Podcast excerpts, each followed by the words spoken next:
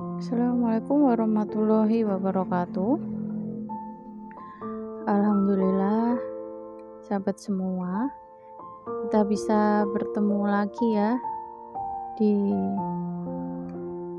ruang mungkin virtual ya. Nah, pada kesempatan kali ini saya akan membahas mengenai konseling humanistik sebelum ke arah sana kita lihat dulu ya tinjauan Islam mengenai konsep humanistik ini.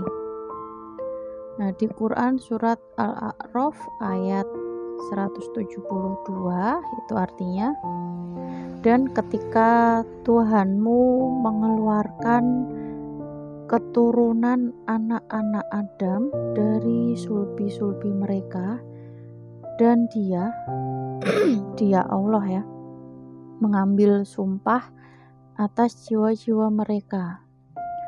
Bukankah aku Allah ini Tuhanmu? Mereka menjawab benar engkau Tuhan kami kami telah bersaksi.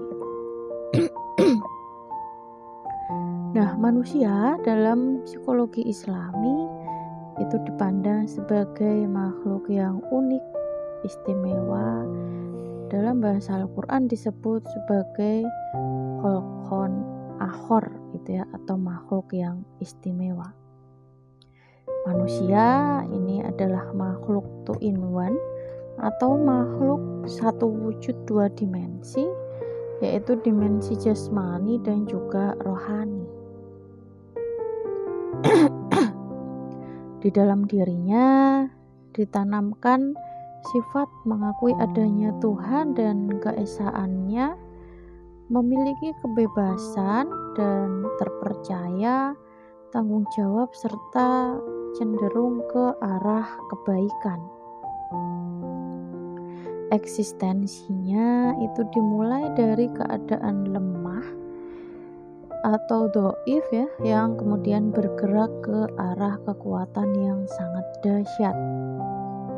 Mustahil manusia itu diberi amanah sebagai khalifah di muka bumi jika ia tidak dimodali dengan potensi yang memungkinkannya untuk merealisir tugas tersebut. Namun, pada saat yang sama, manusia dihadang oleh dua ancaman utama yang siap mendorongnya ke arah yang berlawanan dari misi suci ke khalifahannya. Yang pertama adalah kendala internal, yaitu nafsu yang punya ke arah dan kecenderungan rendah. Kemudian, yang kedua, kendala eksternal, yaitu iblis yang siap berkompetisi dengan manusia untuk merealisasi proklamasi misi penyesatan manusia yang pernah diikrarkannya di hadapan Allah. Nah, pandangan tentang manusia ya menurut humanistik. Istilah client center itu sukar diganti dengan istilah Indonesia yang disingkat dan mengena ya tetapi paling tidak dapat dideskripsikan dengan mengatakan corak konseling yang menekankan peranan konseli sendiri dalam proses konselingnya. Nah, mula-mula corak konseling ini disebut dengan konseling non-direktif untuk membedakannya dari corak konseling yang mengandung banyak pengarahan dan kontrol terhadap proses konseling di pihak konselor seperti pada konseling klinikal dan konseling psikoanalisis. Kemudian nama client center ini mulai digunakan dengan maksud menggarisbawahi individualitas konseli yang setara dengan individualitas konselor sehingga dapat dihindari kesan bahwa konseli ini menggantungkan diri pada konselor. Konseling yang berpusat pada klien sebagai konsep dan alat baru dalam terapi yang dapat diterapkan pada orang dewasa, remaja, dan anak-anak. Pendekatan konseling klien centered menekankan pada kecakapan klien untuk menentukan isu yang penting bagi dirinya dan pemecahan masalah diri. Konsep pokok yang mendasari adalah hal yang menyangkut konsep-konsep mengenai diri atau self, aktualisasi diri, teori kepribadian, dan hakikat kecemasan. Menurut Rogers, konsep inti konseling berpusat pada klien adalah konsep tentang diri dan konsep menjadi diri atau pertumbuhan perwujudan diri.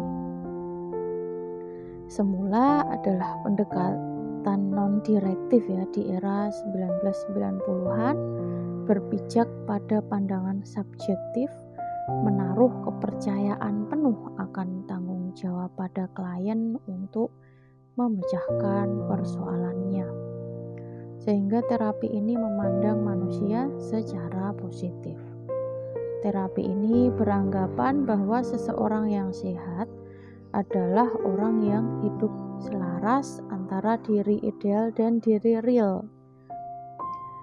Nah, iklim yang nyaman dan terapeutik adalah ciri khasnya seperti kesejatian, kehangatan, empati yang akurat, respect, sikap permisif, kemampuan mengkomunikasikan sikap-sikap tersebut terhadap klien dan juga kongruen. Nah, teknik dasarnya yaitu mendengarkan aktif, merefleksikan perasaan-perasaan, menjelaskan dan hadir bagi klien. Nah, teori ini memandang manusia secara positif karena manusia memiliki suatu kecenderungan ke arah untuk menjadi berfungsi secara penuh. Dalam konteks hubungan terapeutik, klien mengalami perasaan-perasaan yang sebelumnya diingkari. Klien mengaktualkan kesadaran, spontanitas, kepercayaan pada diri sendiri, dan keterarahan yang dalam. Nah, teman-teman mungkin sudah cukup ada gambaran ya. Kita sekarang menginjak ke hakikat manusia menurut Rogers ya, di mana sebagaimana yang kita tahu Rogers ini adalah salah satu tokoh dalam aliran humanistik. Nah, hakikat manusia ya menurut Rogers pertama, manusia itu cenderung untuk melakukan aktualisasi diri.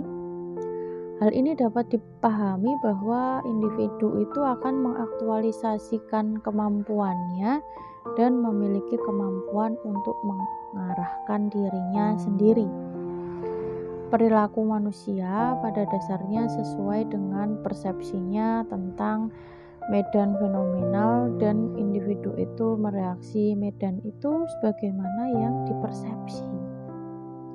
Jadi persepsi individu tentang medan fenomenal itu sifatnya subjektif. Nah, manusia itu pada dasarnya bermartabat dan berharga dan dia memiliki nilai-nilai yang dijunjung tinggi sebagai hal yang baik bagi dirinya. Secara mendasar, manusia itu baik dan dapat dipercaya, konstruktif juga tidak merusak dirinya, gitu ya. Nah, untuk selanjutnya Rogers ini mengemukakan tiga unsur kepribadian yang terdapat dalam diri pribadi. Ada self, medan fenomenal, dan organisme. Ini sedikit kita lewati ya teman-teman karena kita sudah pernah membahasnya ya di perkuliahan-perkuliahan sebelumnya terutama di psikologi kepribadian ya. Nah, sekarang kita lanjut ke karakteristik perilaku bermasalah menurut humanistik. Sebenarnya klien itu punya kemampuan untuk menjadi sadar atas masalah-masalahnya serta cara-cara untuk mengatasinya. Kepercayaan ini diletakkan pada kesanggupan klien untuk mengarahkan dirinya sendiri. Nah, Kesehatan mental itu adalah keselarasan antara diri ideal dengan diri real. Maladjustment itu akibat dari kesenjangan antara diri ideal dengan diri real. Terapi ini berfokus pada masa kini dengan mengekspresikan perasaan-perasaan klien. Menurut Rogers, pembentukan self itu berhubungan dengan pengalaman Hubungan self dengan pengalaman seseorang pada dasarnya dapat diklasifikasikan menjadi tiga kelompok, yaitu kongruensi, pengalaman yang sesuai dengan self, tidak kongruensi, pengalaman yang tidak sesuai dengan self, dan self yang tidak memiliki hubungan dengan pengalaman. Pribadi yang penyesuaiannya baik sangat erat hubungannya dengan pengalaman individu, yaitu segenap pengalamannya itu disadari ke dalam hubungan yang selaras dengan konsepsi self. Sebaliknya, penyesuaian psikologis yang salah terjadi apabila konsepsi self menolak menjadi sadar pengalaman yang selanjutnya tidak dilambangkan dan tidak diorganisasikan ke dalam struktur self secara utuh.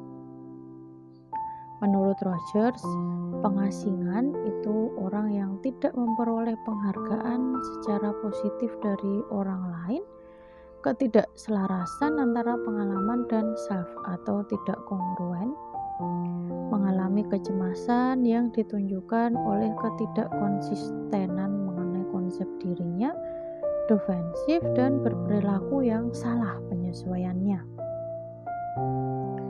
Kemudian tujuan dan hubungan konseling. Tujuan dasar terapi klien center adalah menciptakan iklim yang kondusif bagi usaha membantu klien untuk menjadi seseorang pribadi yang berfungsi secara penuh menyediakan suatu iklim yang aman dan kondusif bagi eksplorasi diri klien, sehingga ia mampu menyadari penghambat pertumbuhan dan aspek pengalaman diri yang sebelumnya didistorsi.